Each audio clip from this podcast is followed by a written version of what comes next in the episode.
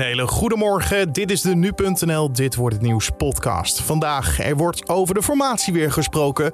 Deze keer in Hilversum.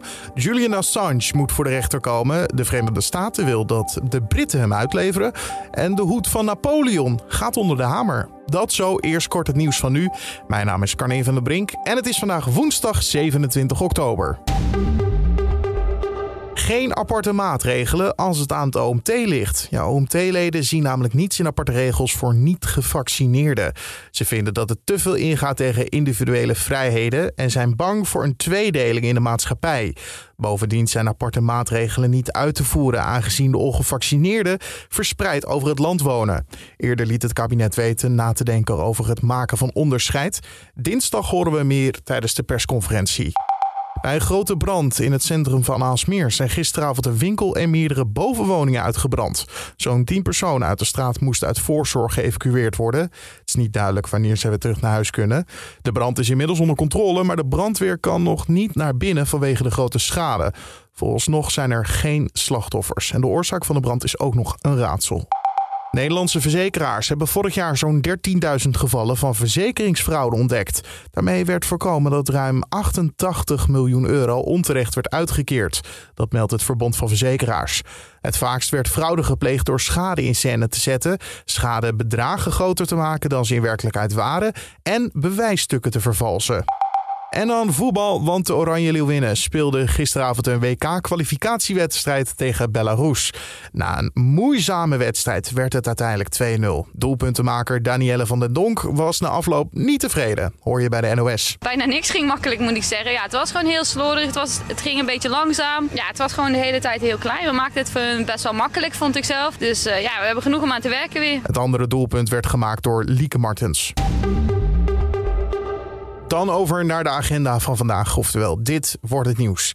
Formatiegesprekken gaan weer verder. Deze keer op landgoed de Zwaluberg in Hilversum. Eerder werd hier ook al gesproken met de partijleiders. Nu zal dat gebeuren met informateurs Remkes en Koolmees. Komt die eindstreep al in de buurt? Collega Julien Dom vraagt het aan onze politiek verslaggever Priscilla Slom. Nou, dat uh, zou ik nog niet durven zeggen. Uh, vorige week uh, gaven de informateurs een persconferentie. En toen zeiden ze, ja, de kop is er af, maar we hebben echt nog veel werk te verrichten. Um, ze gaan inderdaad deze week naar een landgoed, maar dat neemt niet weg dat de formatie eigenlijk afgelopen weken gewoon doorgegaan is. Um, de secondanten van de voorzitters van de fracties, Sophie Hermans, Rob Jette, Pieter Heerma en Carola Schouten, die zijn voornamelijk echt heel druk. Die uh, zitten zo'n beetje dagelijks met de informateurs en die, uh, die doen echt heel veel werk. Ja, leg eens uit, waarom is er zo'n grote rol voor die secondanten uh, weggelegd en niet gewoon voor de hoofdpersonages zoals wij ze kennen, de Kaag, Rutte, noem maar op. Ja, ik snap de vraag. Uh, want we hebben natuurlijk de eerste maanden vooral de, de hoofdrolspelers continu het nieuws gehad. En nu zitten de secondanten dan veel aan tafel.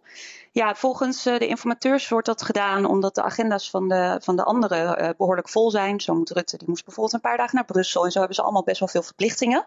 Dus die secondanten die hebben een wat legere agenda. Dus die kunnen sowieso veel meer werk verrichten. En daarnaast, uh, ja, de, we hebben toch allemaal ook wel het idee dat de sfeer tussen die secondanten ook wel wat gemoedelijker en, en makkelijker is. Uh, het is voor hun een veel natuurlijker rol om te onderhandelen met elkaar, omdat ze ook dat eigenlijk altijd in de coalitie hebben gedaan, in de Kamer. Um, je ziet ook uh, bijvoorbeeld bij de algemene beschouwingen dat ze dat goed afging. Ze hebben een goede sfeer. En dat, uh, ondanks dat de informateurs uh, bij de persconferentie ook wel benadrukten dat de sfeer bijvoorbeeld tussen Kaag en Rutte ook nog steeds fantastisch is, gaven zij ook wel toe dat de secondanten ook wat minder de kaarten tegen de borst houden. Dat dat gewoon wat makkelijker gaat met hun. Oké, alsof ze dus vrijer kunnen spreken over dat wat belangrijk is. Ja, ja gewoon uh, ze, iets gemoedelijker sfeer en iets makkelijker. En, en ze zijn iets vrijer waarschijnlijk uh, naar elkaar toe. En wat zou nou het belangrijke gespreksonderwerp zijn op dat landgoed waar ze ja, vandaag en misschien wel meerdere dagen zullen spreken? Wat, waar, waar zitten nog een beetje de heikele punten? Ja, nou, ze hebben eigenlijk tot vorige week uh, over alle onderwerpen zijn een keer voorlang, uh, voorbij gekomen. Dus nou ja, van migratie tot zorg, onderwijs, medisch-ethische kwesties, alles is een keer voorbij gekomen tot nu toe. En eigenlijk vanaf deze week is het de bedoeling dat ze dat echt gaan verdiepen en verder gaan onderzoeken. Dus eigenlijk onderhandelen met elkaar wie wil waarop wat toegeven. Um, en dat zullen ze komende drie dagen vast en zeker gaan doen. en ook het weekend daarop gaan ze naar Groningen, naar het provinciehuis. Dus dan, dan zal het wel op het echte onderhandelen gaan aankomen, lijkt me. Is dit nou voor jou als politiek verslaggever moeilijk om te volgen, om hier ook nieuws uit te halen, omdat er zoveel eigenlijk geheim wordt gehouden? Want het staat natuurlijk niet helemaal op ja, dat nieuwe leiderschap van Kaag bijvoorbeeld, meer openheid, et cetera. Het is toch een beetje, ja, voor mij in ieder geval, lijkt het geheimzinnig. Ja, in principe is het altijd wel een beetje met de formatie dat zodra het inhoudelijk wordt en ze echt gaan onderhandelen, dan gaan echt de luiken wel dicht. Um, tenzij er uh, oneenigheid is, dan wordt er nog wel eens een keer iets bewust gelekt of dat er een plan naar buiten komt. Maar in principe gaan de luiken echt dicht. En ja, of dat haak staat op de open bestuurscultuur. Kijk, de, iedereen die roept daarom, maar er is al meerdere malen wel gewaarschuwd, ook eerder zelfs al vanuit Herman Zink-Willink, de oud-informateur, dat uh, voor de echte vertrouwelijke onderhandelingen of gesprekken um, is openheid natuurlijk niet goed. Want dan durf je ook minder te zeggen. Dan pas je op je woorden. Um, dus ik, ik begrijp wel dat dit wat meer achter gesloten deuren moet zijn. Maar dat zorgt wel voor dat, je, dat er eigenlijk ook een beetje mediastilte is, inderdaad. Omdat je er gewoon echt veel minder vandaan krijgt. Ja. Staat er ook een nieuwe persconferentie op de planning al voor wanneer er weer wat naar buiten komt? Of moeten we dat nog even afwachten naar misschien ook vandaag? Nou, ze hebben beloofd uh, iedereen steeds regelmatig op de hoogte te houden. Um, ze gaan nu dus komende dagen onderhandelen. Er komen ook allemaal nog externe groepen weer langs. Uh, wat ook interessant is, is dat ze in gesprek gaan met de gedupeerden van de toeslagenaffaire en uh, uit Groningen, van het aardbevingsgebied. Uh, die komen ook langs, omdat ze willen praten met de echte man en vrouw uit de samenleving. Um, dus, dus ja, ze zullen vast nog wel weer een, een tussentijdse update geven. Misschien hoe die gesprekken zijn verlopen, hoe het ervoor staat. Maar een nieuwe datum daarvoor is nog niet genoemd. En een datum wanneer het hele proces klaar is, uh, die willen ze ook absoluut niet noemen. Politiek verslaggever Priscilla Slomp hoorde je daar. Als er ontwikkelingen zijn, dan lees je dat uiteraard op nu.nl en in onze app als eerst. En Julian Assange moet voor de rechter komen. Gebeurt bij het Hoge Rechtshof in Londen en gaat over zijn mogelijke uitlevering aan de Verenigde Staten. Eerder oordeelde een rechtbank in Londen nog dat de Wikileaks-oprichter niet uitgeleverd mocht worden, maar de Verenigde Staten ging in beroep. De Amerikanen hebben 18 aanklachten ingediend tegen Assange, onder meer vanwege zijn betrokkenheid bij de publicatie van geheime informatie van de Amerikaanse overheid. En weer een interessante veiling. De hoed van Napoleon gaat namelijk onder de hamer. Althans, je moet maar geloven dat Napoleon deze gedragen heeft. Volgens onderzoek is er wel wat DNA gevonden op de hoed dat van de Franse overheerser kan zijn.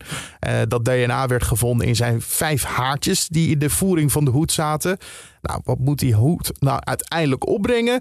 Naar schatting zo'n 120.000 tot 180.000 euro. En dan eenmaal andermaal over naar het weer van vandaag. Je wordt weer bijgepraat door Alfred Snoek van Weerplaza. Vandaag begint de dag op de meeste plaatsen met veel bewolking. Het is echter wel overwegend droog. In het zuidelijk deel van Nederland begint in de loop van de ochtend al af en toe de zon door te breken.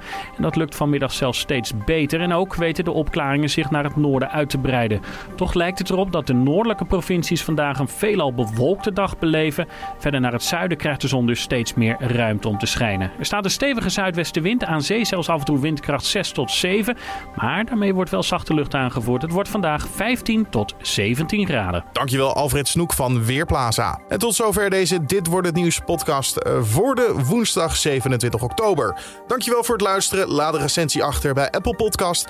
En luister natuurlijk morgen ook weer. Elke ochtend om 6 uur ochtends op de voorpagina van nu.nl en in je favoriete podcast app. Mijn naam is Carne van der Brink. Een hele mooie dag en tot de volgende.